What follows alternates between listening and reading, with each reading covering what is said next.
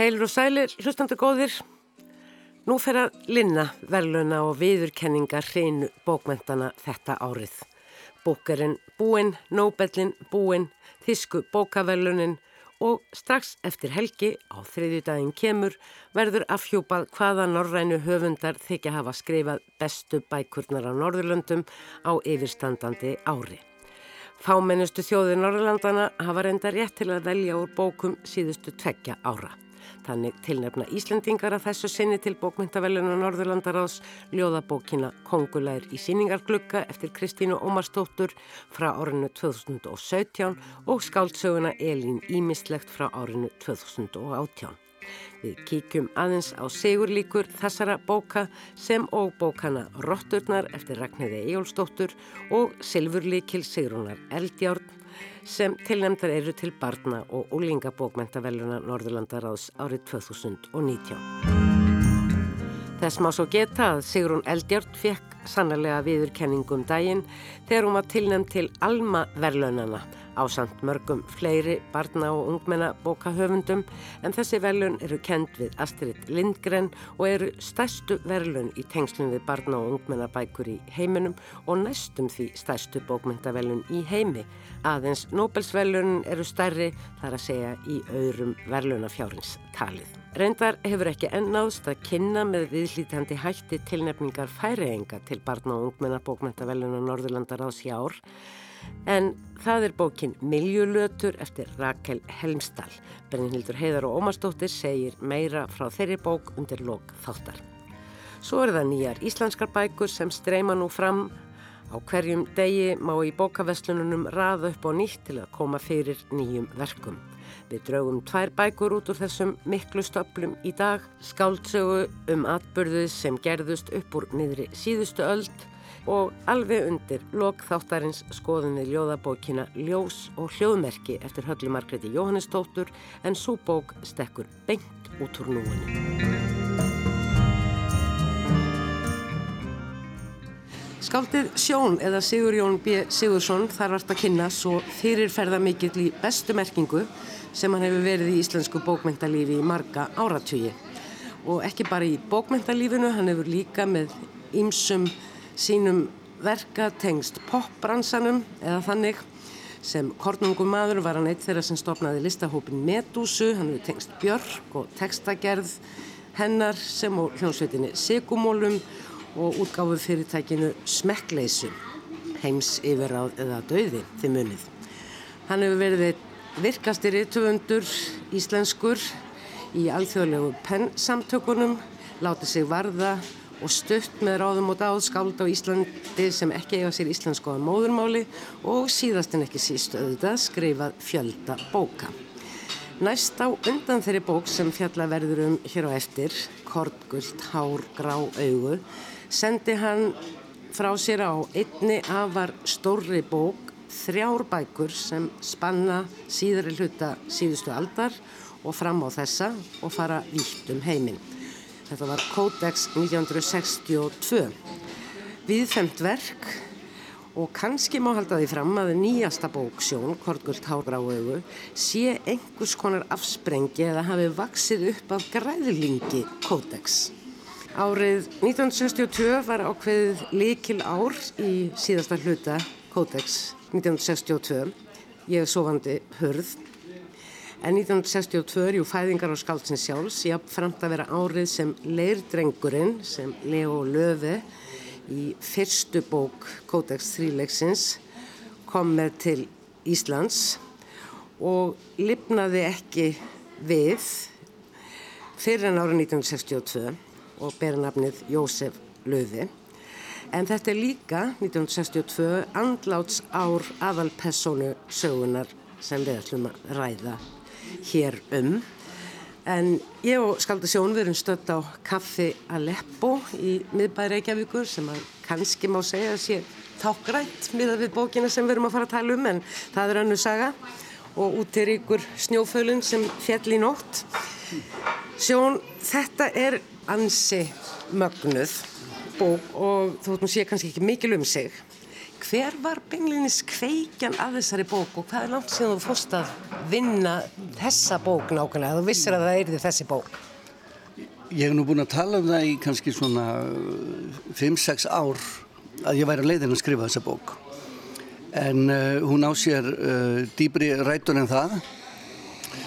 Hann var reyndar alltaf aldrei snúið að ætla að finna einhverja tiltekna kveikju að bókum, allavega í mínu tilfelli.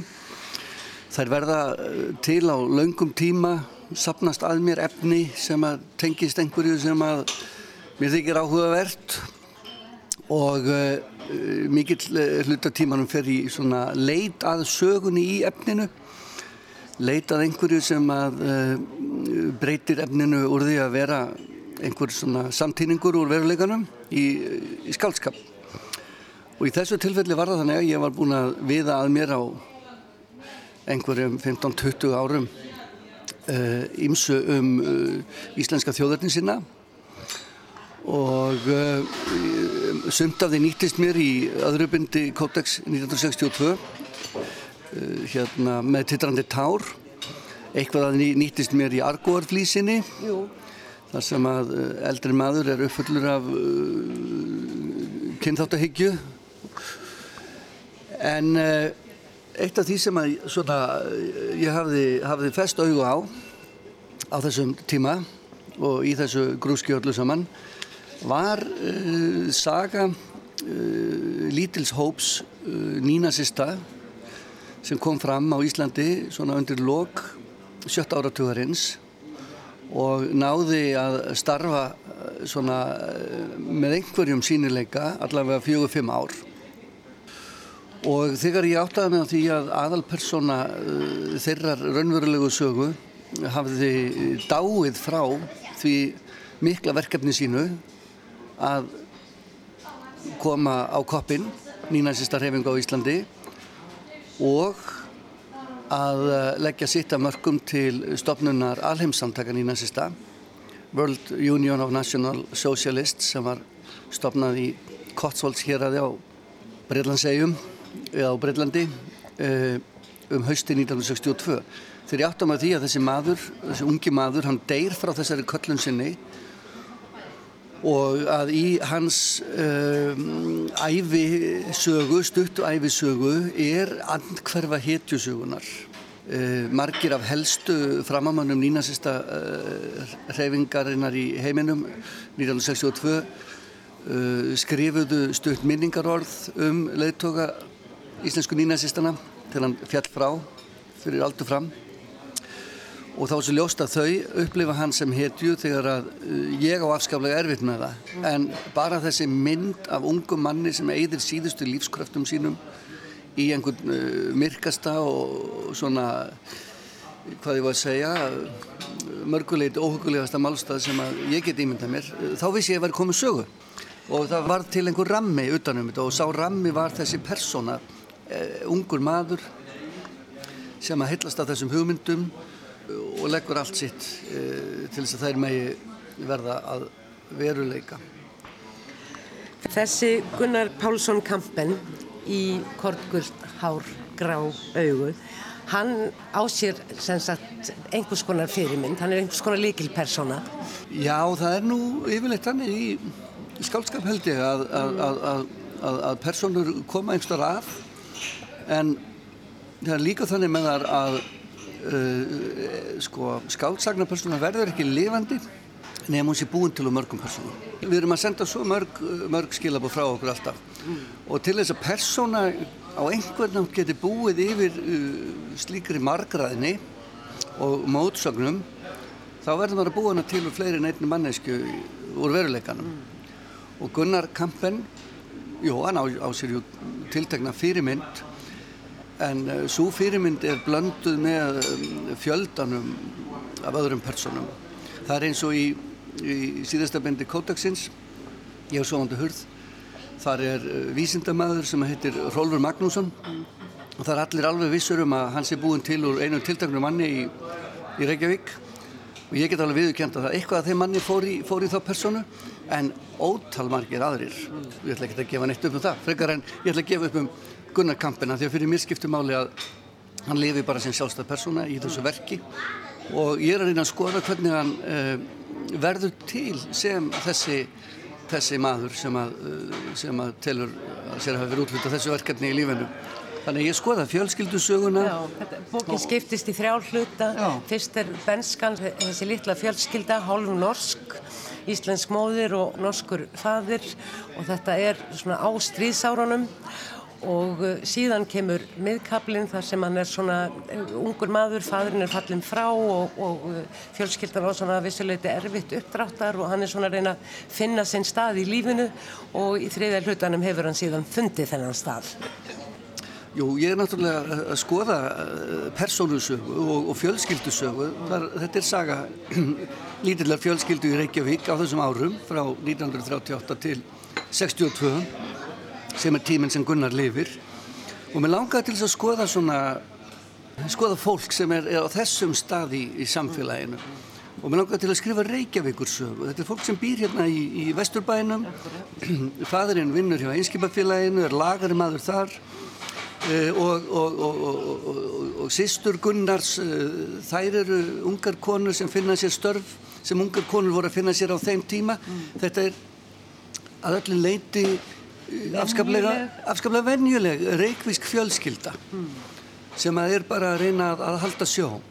En uh, fjölskyldulífið er markað af því að, að fadurinn er norskur. Uh, uh, þegar Gunnar fæðist 1938 þá er stríðið skollið á að fullum þunga. Kvistlingar komin til valda í Noregi og þjóðverðar hafa hernu með Noreg með öllu því ofbeldi sem því fylgdi Þannig að fadir Gunnars er í, í áfalli.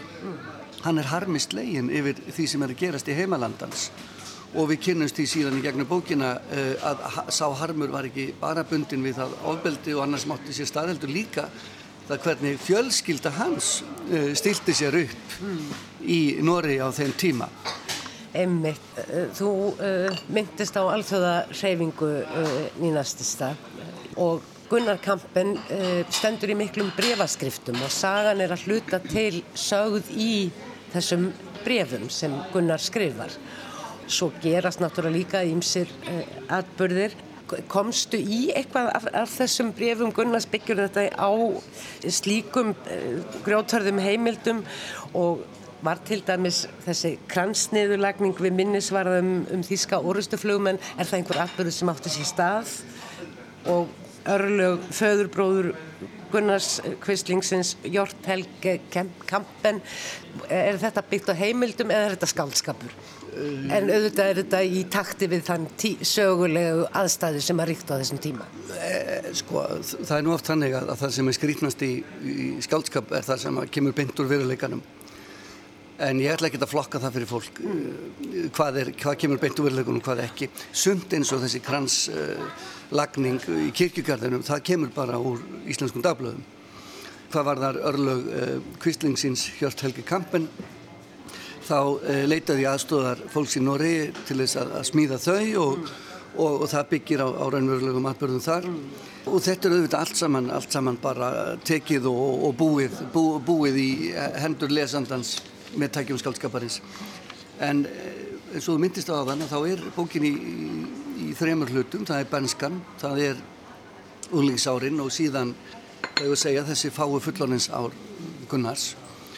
Og uh, það var svona, það, það var aldrei mikil og góð uppgötun fannst mér þegar ég uh, þegar ég hérna datt niður á þessa hugmynd um, um mm. breyfaskriftirnar bæði vegna þess að þar uh, fáum við að sjá hann hugsa, fáum að vera með honum þar sem hann er að hugsa við fáum að upplifa hann í því hvernig hann stillir sér upp á ólíkan hátt, hvert einn sem hann er að skrifa hvort hann er að skrifa réttstjóra dagrenningar, þess förðulega tímaritt sem hann gefið út í Reykjavík á þessum tíma eða vini sínum, kærustu eða mömmu sinni eða framafólki í nýnasista hrefingunni mm.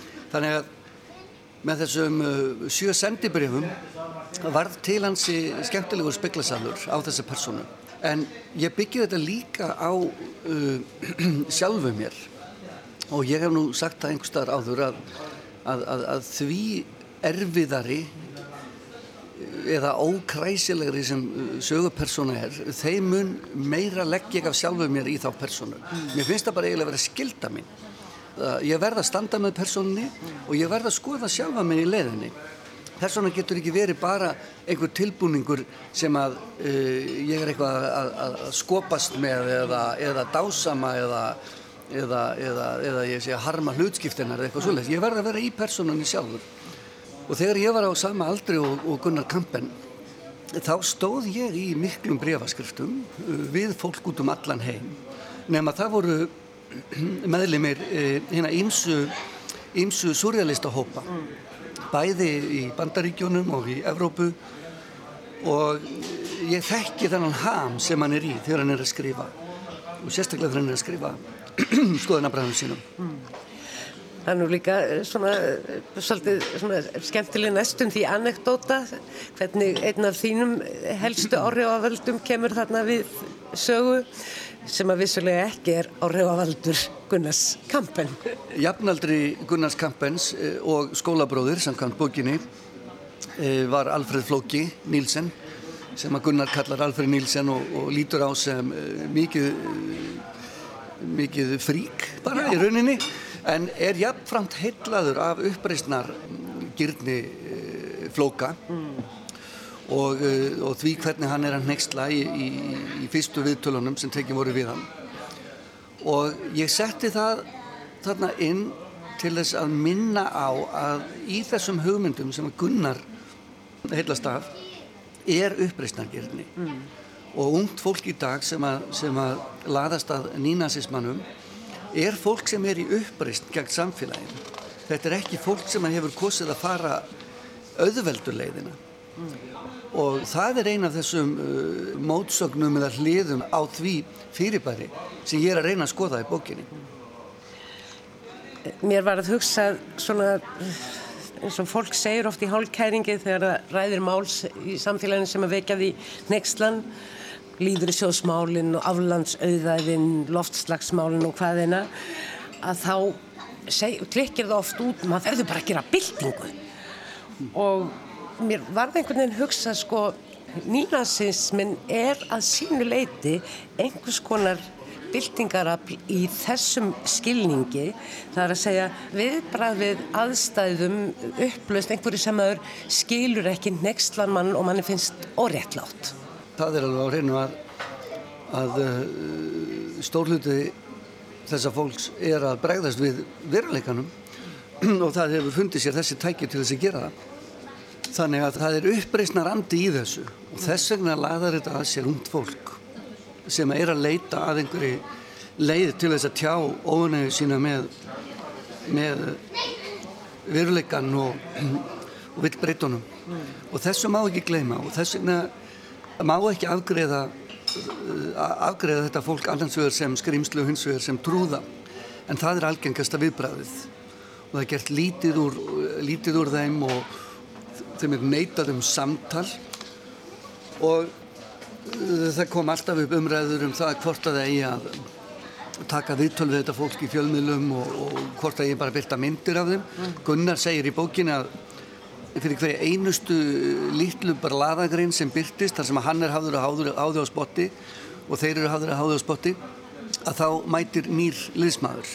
Þa, það eru svo marg, margar hliður á þessu sem þarf að ræða og skoða og við höfum ekki svör við mm. Og þess vegna held ég að það hefur verið gott að, að, að setjast niður og skrifa bók um venjulegan mann sem er á þessari, þessari ferð. Mér langaði mig til þess að beða um að lesa svo litinn kabla úr bókinni sem að, sem að Gunnar er einmitt að velta þessu fyrir sér uh, fjölmiðla umfjölduninni.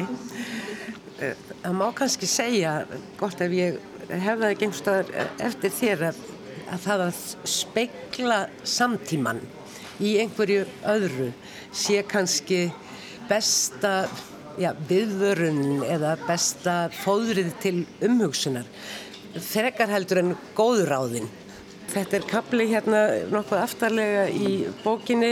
Uh, Máli snýst um grein sem ber yfirskriftina Nínasist á yfirreið sem byrtist í einhverju bladi og greinir frá komu belgísks eða flæmsks ef ég mann rétt mann sem á leið yfir hafið á vegum alþjóðlegar reyfingar. Hann er á leið til fundar við samherjar sína Vestanhafs og sem sagt með öðrum orðum ekki bara listamenn sem að millilöndu hér á landi á leið sinni yfir hafið. Þetta er á blasið 97. Greinin var hófstiltari en venjulega. Einu háðsglósurnar frá hennum nýtsama frettafulltrúa fríveldishreyfingarinnar á Alþýðublaðinu voru þær að hann kallaði Gunnar Fóringja og sagði flokkin fámennan hóp. Það snerti Gunnar ekki. Það sem skipti máli kom fram í upphafi og undir lokin. Að tilværi alþjóðleg hreyfing nínasista, að sendimenn hennar væri á yfirreið millir landa og Ísland væri einn af viðkomum stöðum þeirra. Hér áttu þeir trúnaðarmann Gunnar Kampen. Eftir því er þið tekið.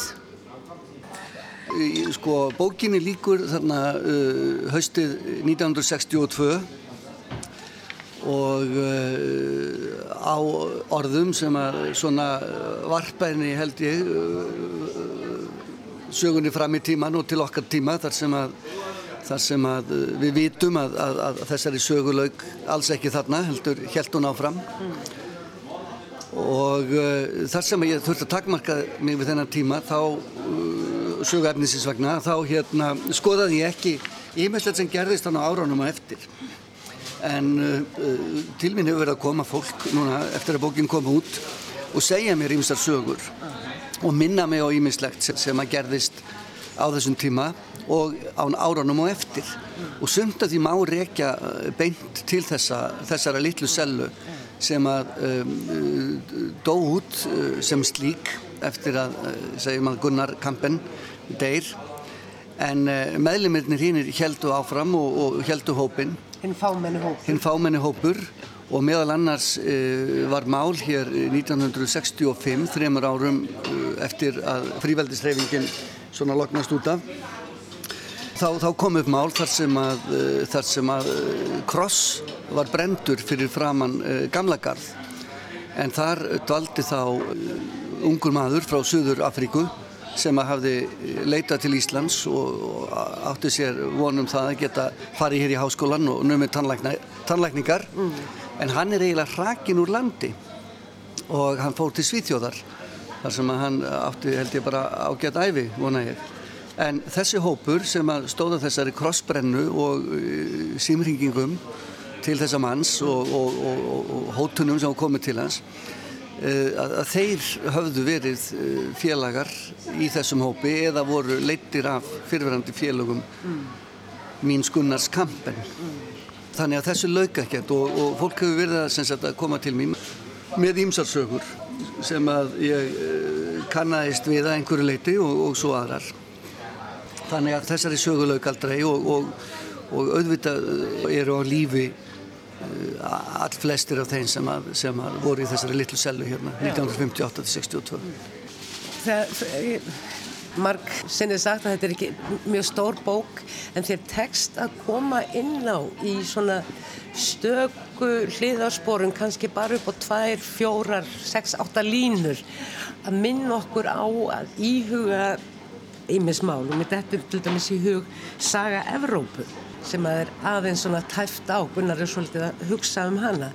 Hún hefði líka getað orðið allt önnur, jáfnvel þótt að heimstyrildin síðara hefði farið eins og hún fór eh, ef að sagt, hefði verið öðruvís á málum haldið heldur en bara rússar og bandarækjumenn hefðu eh, tekist þar á og skapað sitt kaldastrýð Já, já, það er ímsar hugmyndir á kreiki þarna um það hvernig heimurinn ætti að vera.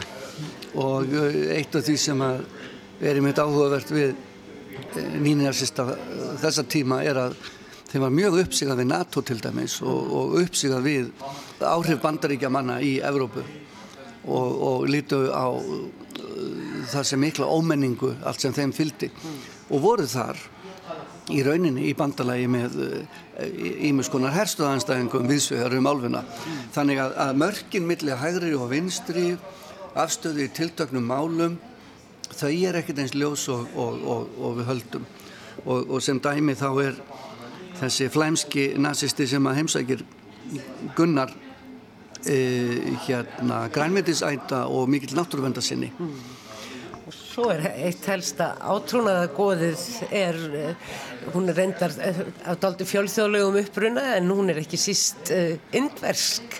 Já, já, Savitri Devi sem að kallaði þessi svo, hún, hún hafði mikil tengst við Indland og indverska menningu og, og, og, og notaði hinduismann sem, sem svona, svona grunn Af sínum arjísma? Af sínum arjísma og, og, og tegnuna á Adolf Hitler eftir, eftir stríð mm. og í rauninni tókst að, að, að aftengjan hinn um sögulegu atbyrðum og þar með frían uh, ábyrð á, á, á helstu voðaverkum mm. þriðaríkisins og í rauninni kom hann um í, í, í Guðatölu. Það er margt, margt, margt á kriki í þessari litlu bók. Já, og, hérna, og svo er það spurningin af hverju, af hverju skrifa ég litla bók? Jú, það er vegna þess að, að eh, eins og áður bæði með skuggabaldur og, og mánastein að þá er ég að vinna með ofsalega þröngt sjónarhorn. Ég er bara alveg við manneskjöna sem að sem að svona, svona, svona drýfur söguna áfram. Og uh, ég vil helst ekki sjá mikið meira en bara yfir aukslina á henni. Og, og, og virða fyrir mér heiminn þaðan. Þú ert í rauninni eh, á, á böglaberranum og hjólinannar. Ég er svona á böglaberranum. Þannig að svona leitin að aðferðinni skiptir mér alltaf miklu málið hér að skrifa og þess vegna leiði ég mér að skrifa litla bók um stort efni af því að það er líka viðurkenning á því að, að við, við, við getum ekki sagt söguna allar og það er kannski betra að, að, að, að segja brotafinni og láta síðan glampa af því svona mm. út, út, út fyrir og, og, og, og ég er bara ánaður ef að ef að uh, bækundar mínar uh, senda fólk í leiðangra að lesa sér til meira um tíman eða, mm. eða ákveðin, ákveðin viðfangsefni í bókunum Þessi bók býður svo sannarlega upp á það þó ég verði vissulega líka að viðkenna að ég var beinlinis bara á stundum hálf hrætt við lestur bókarinnar þrátt fyrir að hún sé á köflun sko dásamlega ljóðrætn og fallegur texti. En það var svo margt kunnulegt. Æfnilega þó með einhverjum smá viðbótum eða snúningum sem að læsa við óhugnaðin einurðina í því að vera tilbúin til þess beinlinis að reyði öllur vegi sem að stendur í vegi. Svo undirliggjandi hugsun sem kemur ju fram í einhvernar orðum uh, miðkaplans Jú, jú, heldur betur. Orði rótækni eh, er ekkert er ekkert, ekkert sko er ekkert krút Ha, við tölum oft um það að, að, að fólk sé rótækt og svona og segjum þetta svona já já hann er rótækur maður eða hún er svo rótæk í sínu. En ef við skoðum orðið þá, þá merkir það ekkert annað en að rýfa upp með rótum. Og það sem við rýfum upp með rótum það deyr þannig að, að rótæklingur er alltaf reyðubúinn að beita einhvers konar ábyldi hann er reyðubúinn að riðja hugmyndum sínum braut á kostnað lífs annars. Það er nú bara svo leiðis mm. Sjón, ég þakka þér innilega fyrir að ræða við mig um þessa stóru litlu bók. Takk fyrir, takk.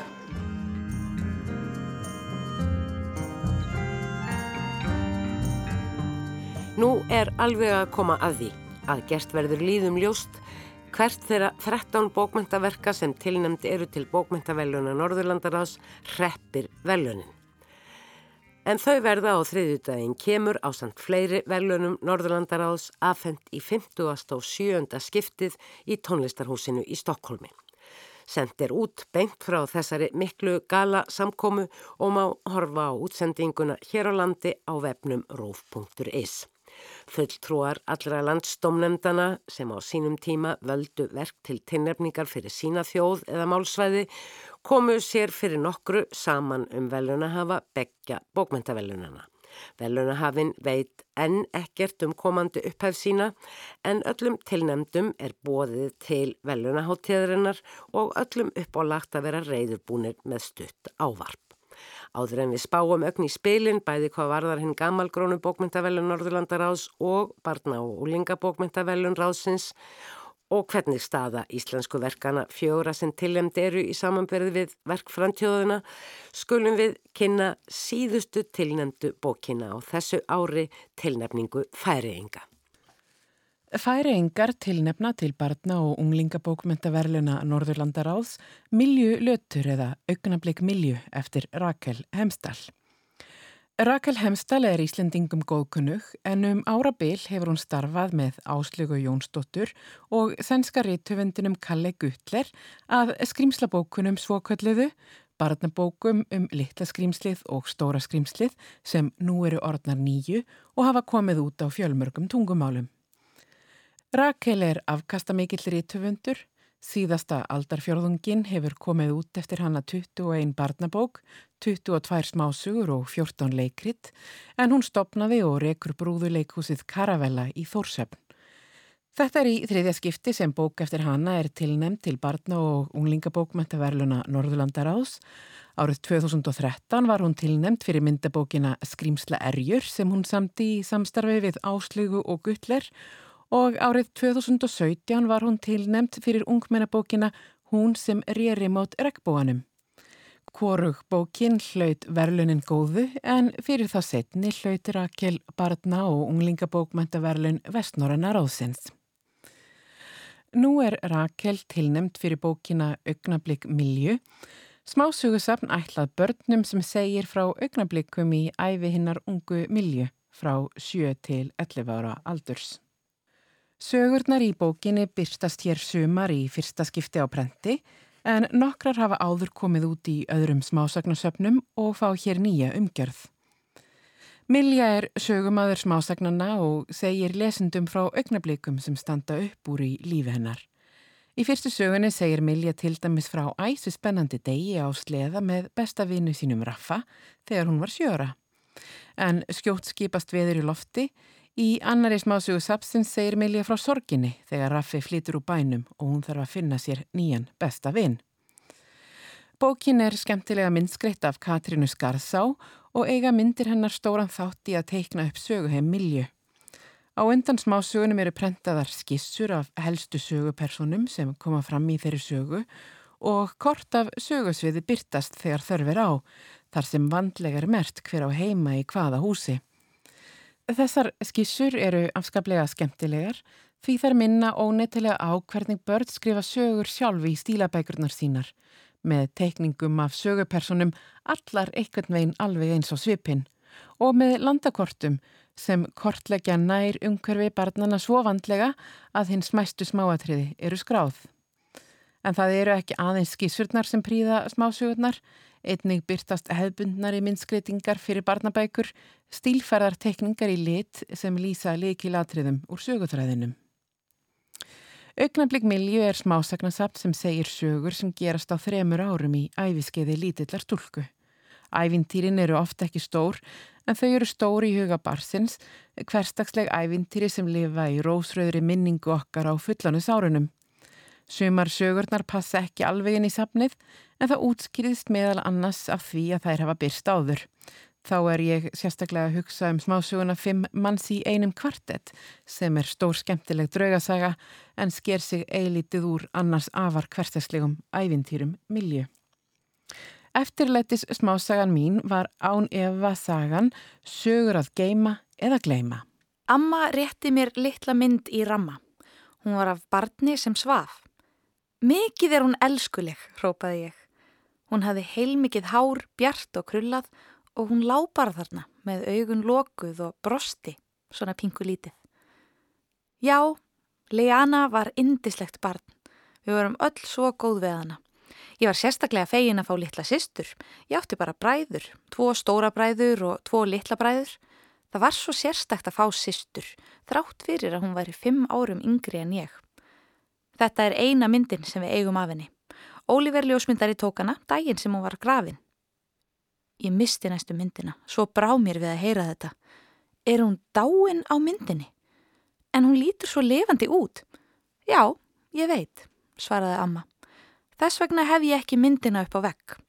Hún liggur ofan í skuffu sem ég opna sjaldan. Ég var verulega sorgmætt í mörg ár en svo smám saman lærði ég að lifa með þessu. Hún gaf okkur mikla gleði í sinu stuttalífi. Hún var svo lítill, alltaf hafmyggjusum og ég minnist þess enn hvernig var að sitja með henni, hvernig hún hjælt í þumalfingurinn á mér og var svo hafmyggjusum að hún gæti gert það. Ertu enn sorgmætt, amma? Ég tók í höndin á henni. Nei, Milja mín, ég er ekki sorgmætt lengur. Ég er glöð að ég fekk að eiga litla sýstur, þrátt fyrir að það hefur verið í svo stuttan tíma. Í sögunni heimsækir hinn 8 ára gamla Milja ömmu sína í Vaðvík og fær að fara upp á háaloftað Gramsa. Þar finnur hún uppstoppuð dýr, uglur og krókudíla, vindlakassa fulla af gömlum brefum og smáhlutum og svo blíkassa fullan af gömlum ljósmyndum, svart kvítum og gulnuðum. Þar á meðal er ljósmynd af kirkjun í Vaðvík og að miðju kirkjukólfinu er kista, fallega skreitt, pingu lítil kista líkkista fyrir barn. Milja fer til ömmu sinnar til að spyrja um ljósmyndina og heyrir þar í fyrsta skipti sagt frá frængu sinni Leonu, litlu sýstur ömmu sem dó þegar hún var aðeins barnað aldri. Engar ljósmyndir voru teknar af Leonu á meðan hún var á lífi og hún lifir nú aðeins í minningu stóru sístkina sinna. Til eru sögur, svo raunverulegar sögur úr raunveruleikanum að það hefði verið allt í lægi að hafa aldrei hýrtar en það er ekki hægt að afheyra eitthvað sem þeir hefur heyrt. Eftir að Amma ræðir við Milju um leðinu, hengir hún ljósmyndina af sýstur sinni upp í stofunni en Milja forðast ávalt að líta á hana. Eins og hún segir lesundum sínum, þá væri auðveldar að vera í stofunni ef hún vissi ekki söguna af leðinu. En hausin hennar er ekki eins og háaloftið hjá ömmu, Það er erfitt að gleima hlutunum sem þar eru gemdir. Ögnablik Milju eftir Rakel Helmstall er hugljúft smásagnasafn sem segir frá ævintri Milju sem býr í Salamónstræti. Við komumst að því í lokmánarins hvort að bókin lítur barna og unglingabókmæntaverlun Norðurlandar ás í ár. Val þess verk sem hlítur bókmyndavelun Norðurlandaráðs er með svipuðum hætti varðandi bæði bókmyndavelunin. Ferlið er einfalt þótt alltaf síðan minnstakosti tvær umferðir og stundum jafnvel fleiri eftir því sem ég hef sannhermt. Fyrst kynna fulltrúar hvers lands sín verk og mæla á þeim hvern kost. Að því loknu skrá allir fulltrúar það verk sem hverjum fyrir sig þykir réttast að hljóti velunin. Engin fulltrúi má í þessum umgangi skrá verk sínslands. Síðan er talið og hefst þá umræða um þau verk sem flestir skráðu sem líkur á nýri atkvæðagreyslu og mega þá allir velja það verk sem þeim þykir helst til velununa fallið, einnig tilnemd verk eiginlands. Ef skoðanir eru mjög skiptar þá er þetta ferli endurtekið þar til eitt verk stendur eftir sem ótvíraður segurvegari.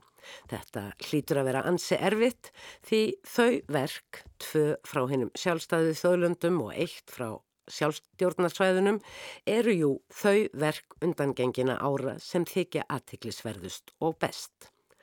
Að þessu sinni eru hér eins og oft áður afar fín og áhugaverð bókmyndaverk á ferð eins og þeir sem fylgst hafa með kynningum á þeim og þessum vettvangi vita. En Það má einni kynna sér verkin sem tilnæmt eru á heimasíðu þáttarins rúf.is skástrygg orðum bækur í einu orði. Vissulega hlýtur val hvers fulltrúa í domnæmdini að verað einhverju leiti háð smekk viðkomandi og aldrei hefur verið hægt að færa fyrir því rauk að einhvers konar kótaskipting sé höfðað leiðarljósi eða að nú sé röðin komin að ákveðnu landi eða tungumáli. Hitt er svo annað að að minnstakosti þeirri sem hér talar hefur stundum fundist sem ekki hafi besta og eða áhugaverðasta verkið notið sannmælis. En hverjir fá velun árið 2019? Af þeim 13 framúrskarandi verkum sem tilnefndi eru til hinn að gamalgrónu veluna, færiðingar kusi ju að þessu sinni ekki að tilnefna verk og þeim 14 verkum sem tilnefndi eru til barna og úlingabókmyndaveluna Norðurlandaráðs. Íslendingar hlutu velunin síðast í fyrra þegar auður Ava Ólafsdóttir tók við velununum fyrir skáldsögu sína ör. Það þarf þó ekki að þýða að við getum ekki fengið velunin aftur í ár. Slíkt hefur alveg gerst að höfundar af sama þjóðurinni hafi tvö orði röð hlotið verlunin. Árið 2015 fekk Arnar Már Artgrímsson barna- og úlingabókmentavelunin fyrstur Íslandinga fyrir skáldsöguna Sölvasaga Unglings. Í fyrra fóru barna- og ólingabókmyndavellunin til Færeja og hafðu þá allar þjóðir og málsvæði sem rétt hafa til tilnefninga fengiðu utan grænlendingar, samíska málsvæði, álendingar og danir. Allar bækurna sem nú eru tilnefndar eru áhugaverðar. Bækur ætlaðir yngri börnum þar sem myndir gegna mikilvægu hlutverki og bækur sem höfða til milli aldurstegs barna 8, 9 og upp í 12-13 ára eru næstum því jafn margar. 6 fyrir þau litlu og 7 fyrir þau eldri. Aðeins þrjár bókana sem tilnefndar eru má ætla að höfði til unglinga. Íslensku bækurna tvær eru Silfurlíkillin eftir Sigrunu Eldjárt sem fekk Íslensku bókmyndavellunin í fyrra í flokki barna og lingabóka og Rotturnar eftir Ragnhiði Ejólsdóttur sem var tilnemd til sömu velluna og tegja þessar sögur báðar sig til framtíðar. Mér þykja báðar íslensku tilnefningarnar afar sigurstranglegar, þær eru velskreifaðar, spennandi og sannfærandi og vekja til umhugsunar um margvíslega hluti. En það eru vissilega fleiri áhugaverðar bækur tilnefndar. Brynhildur Heiðar og Ómarsdóttir var beinlinis upprefin yfir úlingabókinni Brefin frá Maresi eða Brefin frá Maresi eftir Marju Tutsjaninov sem finnar tilnefna. Norsku myndabækurnar þóttu mér mjög skemmtilegar, engum alle saman teller, þar sem leikið er með tölur og fjölda í myndum og máli og í raun líka með leikum. Um leið og undistrykað er með afar leik og myndrænum hætti að fjöldi er æfinlega samsettur úr mörgum og jafnvel mjög ólíkum stökum. Báðar bækurna sem svíjar tilnefna fjallaðum einelti en með gjör ólíkum hætti. Önnur er hryllingssaga en hinn breið samfélagssaga og var hryllingssagan um Lilla Hón líklega bókmyndalega áhugaverðari. Mér þykir þó frekar ólíklegt að hún reppi velunin þó ekki væri nema vegna þess að svíjar hafa einir Norðurlanda þjóða í tvígang fengið barna og ungmenna bókmenta velun Norðurlandaráðs en danir, grænlendingar, samíska málsvæð og álendingar aldrei. Þrjár síðastnemdu tilnefningarnar eru þó ekki líklegar til veluna. Bækurna sem Danir tilnefna, annars vegar vísindaskálsagan Sturke sem er ætluð eldri börnum, jafnvel og lingum og hins vegar myndræmi saganda Mumbo Djumbo blið kemp stúa. Þegar Mumbo Djumbo var risa stór eru fínar og skemmtilegar en að mínu mati ekki velunabækur að sama skapi og til að mynda íslensku tilnefningarnar og allir saman teller eða hryllingssagan um Lillu. Því verður ekki annarkvort sagan eða framsetningin að vera nýstárleg og sérstaklega sannfærandi, helst hvortvekja, til að fá svo stór verlun og barna og lingabókmyndavelun Norðurlandaraðs eru. 350.000 danskar krónur eða 6,5 miljón íslenskara króna á samt auknum líkindum á þýðingum yfir á önnur tungumál. Til dæmis er nú nýjútkomin á íslensku bók eftir henn færiska Bárð Óskarsson sem fekk velunin í fyrra og saganum Brúna sem fekk velunin árið 2014 hefur líka komið út í íslenskri þýðingu. Ég veit hins vegar ekki hvort Sölva Saga Úlings hefur ratað yfir á önnur tungumál eftir að hún fekk velunin árið 2016.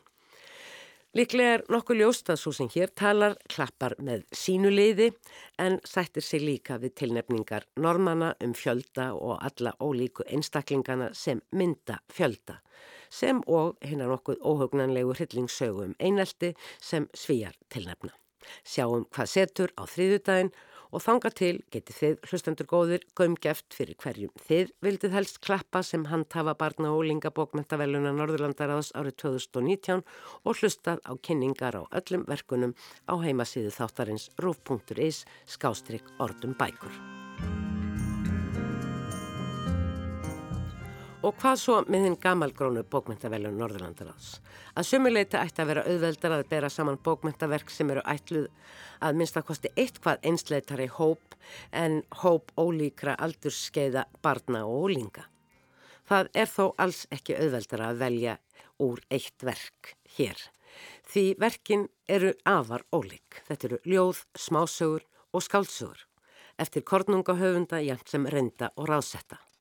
Hvað jæðarsvæðin áhrærir sem tilnefna verk þar að segja, færi er tilnefna ekki í þetta sinn, þá er ólíklegt að þau ógni veljuna vendingum hinn að sjálfstæðu þjóða með undantekningu grænlensku tilnefningarinnar, hvítu hlaupaskórnir, sem er smásagna og ljóða eftir einn 26 ára gamla Pivinag Mörk en á þeim sést glögt að ungir grænlenskir höfundar eru óðum að skapa sér sína eigin rött og þetta er áhugaverð rött.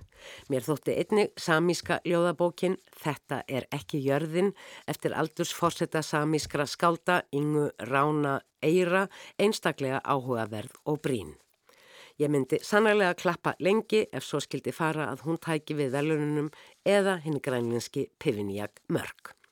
Mér þykir það samt frekar ólíklegt þegar að litið er til allra hinna tilnefningana og allir fulltrúar í domnemdini reyna jú með þunga að koma verkum á sínu tungumáli að. Hinn norski Jón Grúi skrifar á afar áhugaverðan háttum fulla þáttöku sína í lífinu um leið og hann þarnast sjálfur mikillar hjálpar vegna sjúkdóms sem eða annars bindur hann við hjólastól. Áhugaverð lesning en tæplega verðlunabók. Norska ljóðabókin samferði mig heldur ekki fyllilega. Saga hins sænska en þó eritríska Sami Said, mennikan er den vakrasta staden, manneskjan er fallegasta borgin, um flóttamannin San Francisco, er mjög áhugaverð bókmentaleg nálgun að einu mesta vanda mannkinsins nú um stundir og fengi Sami Said velunin væri það líklega í fyrsta skipti sem einhver sem ekki á sér norrand tungumál að móðurmáli fengi velunin. Hinn bókin sem svíjar tilnefna Nonsens prinsessans dagbúk en húgskrifning eða dagbók bullprinsessunar veikindaleiði fjallar um ádraskun og hvernig samfélagið og stopnarnir þess sem og einstaklingurinn sjálfur bregst við. Þetta er sérstæð bók, kolluð ljóðabók sem Halla Þórlaug Óskarstóttir sagði velhæfnaða tilraun til afromantiseringar og afbrennimerkingar ádraskunar. Hvort hér er um velunabókaræða er svo önnur saga. Finsku tilnefningarnar eru vissulega líka áhugaverðar þó var ekki eins og Erla E. Völudóttir væri fyllilega sannferðum ágæti eða öllu heldur tilhöfðun skáldsögunar Tristaníu eftir Marjónu Kurtó um fólksflutninga í kjölfar eldgossins á Tristanda Kuna í byrjun sjönda áratugar síðustu aldar. Skáldsaga hins nær sjötuga Finnlandsvíja Lars Sund, der músikinn börjaði, þótti mér hins vegar ótrúlega skemmtileg og nútímaleg samtímalýsing við byllandi undirleik tónlistar allt frá síðari hluta sjötta áratugarins og fram yfir aldamót.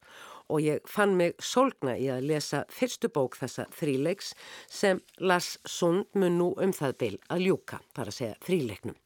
Af þessari miðbók þríleiksins sem er tilnemt, sínist mér Lars Sund takast að ferðast frá hennu smæsta í lífi fólks í samfélagi og tengja við stærri ströyma samfélagsleira hræringa.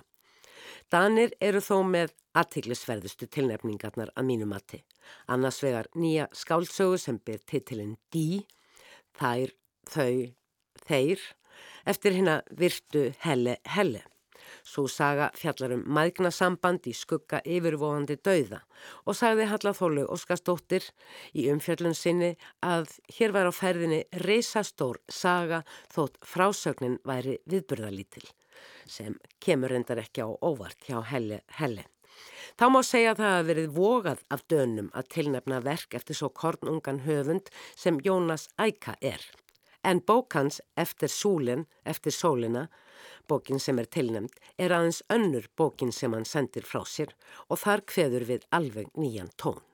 Um er að ræða smásagnasapp þar sem sögurnar gerast á ymsum stöðum í heiminum og fjalla allar um fólk sem á einhverjum ástæðum er statt í aðstæðum sem það jafnvel ekki kæri sig um að vera í en kemst þó ekki burt. Það er einmann að þetta fólk og þráir samkend. Það er eitthvað við stíl og framsetningu Jónasar Æka sem minni mig á fyrstu bækur Kristínar Eiríksdóttur en bók hennar Elin Ímistlegt sem fekk Íslensku bókmentaveluninni fyrra er einmitt önnur af tveimur tilnefningum Íslandinga til bókmentaveluna Norðurlandaráðs árið 2019. Hinn er kongulegri síningaglugga, ljóðabók Kristínar Ómarsdóttur frá árinu 2017. Ég hef ekki séð þýðinguna á þessum bókum sem aðrir meðlimir dómnefndarinnar en þeir íslensku læsu höfðu til hliðsjónar og vona sannarlega að þær þýðingar hafi verið betri og nákvæmari en þýðingar til að mynda á grænlensku tilnefningunni. En hvaðum það, hvaða bók skildi nú fá hinn virtu bókmentavelun Norðurlandaráðs á þriðu daginn kemur? Ekki gott að segja. Ég hef minnst á Pivin Guag Mörk, hinn grænlenska, hinn eritríska Sami Said sem skrifar á sænsku, sem og hinn unga Jónas Æka og hinn að virtu Helle Helle. En helst af öllu vildi ég sjá Kristínu Ómarsdóttur á sviði tónlistarhúsins í Stokkólmi á þriðdaskvöldið veifandi kongulóm í síningarglöka.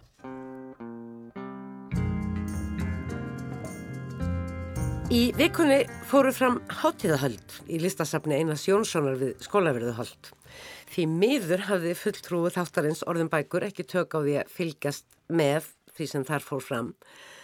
En hingað er komin margfaldur fulltrúið þessar hátíðar hefur endar í farteskinu ástæðu hátíðarinnar nýja ljóðabók sína. Þetta er auðvitað Hallamargrið Jóhannesdóttir og ljóðabókin heitir Ljós og hljóljóðmerki og hún ætlar að segja okkur svo litið frá þessum gjörningi. En við verðum að býða til næsta þáttar að heyra meira og nánar um nýju ljóðabókina. Halla Margrit, hvernig var í einlasafni? Hvað varst að gera og þriðu daginn var?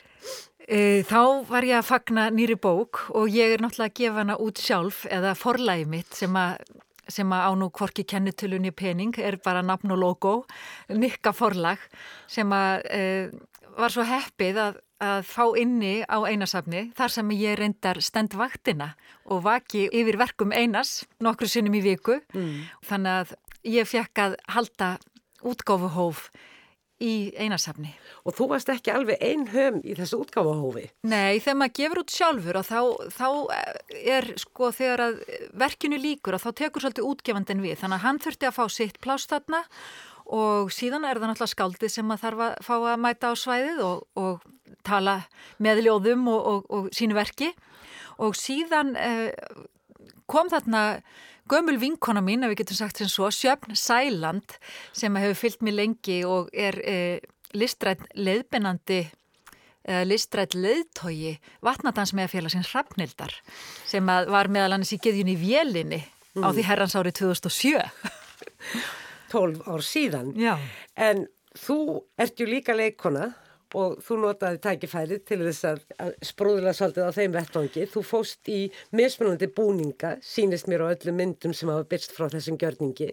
Já, maður er í mörgum hlutverkum og ekki bara ég sem, sem, sem rittöfundur eða útgefandi, við erum það öll, hvar sem við mætum, ég í þessu viðtali hérna núna er í ákveðinu hlutverki og þú í ákveðinu hlutverki og við eigum önnur hlutverk, meiri segja sameinlega þegar við hittumst og og þannig að stundum kannski er gaman að taka það bara alla leið hlutverkið, fara í búning við eða búning við mm. hlutverkið og leika það alla leið. Erðu eins og ég sagði á þann þá ætlum við að býða með að ræða þessa bók í þaula sem að vittna svolítið einmitt um hlutverkaskipti mm.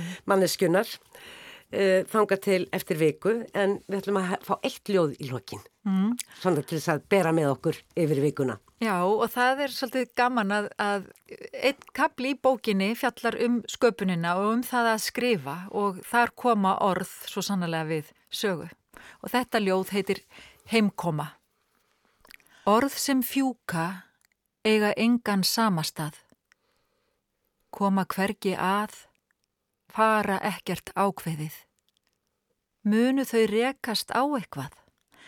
Eða sapnast saman eins og rótnandi laufrúa að vetrarlægi upp við öskutunnuna hjá gardvegnum, eða þeitast um háloftin eins og munaðarlausir ofvirkir englar. Hversu líklegt er að þau rati í réttri röð í hlust eða fyrir sjónir þess sem þarf á þeim að halda? Hversu líklegt?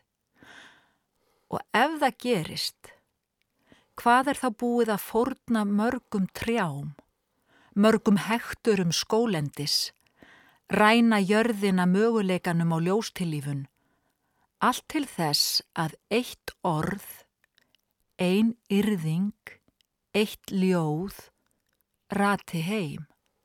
Elsku orð, elsku merking, elsku ljóð, ratarðu heim.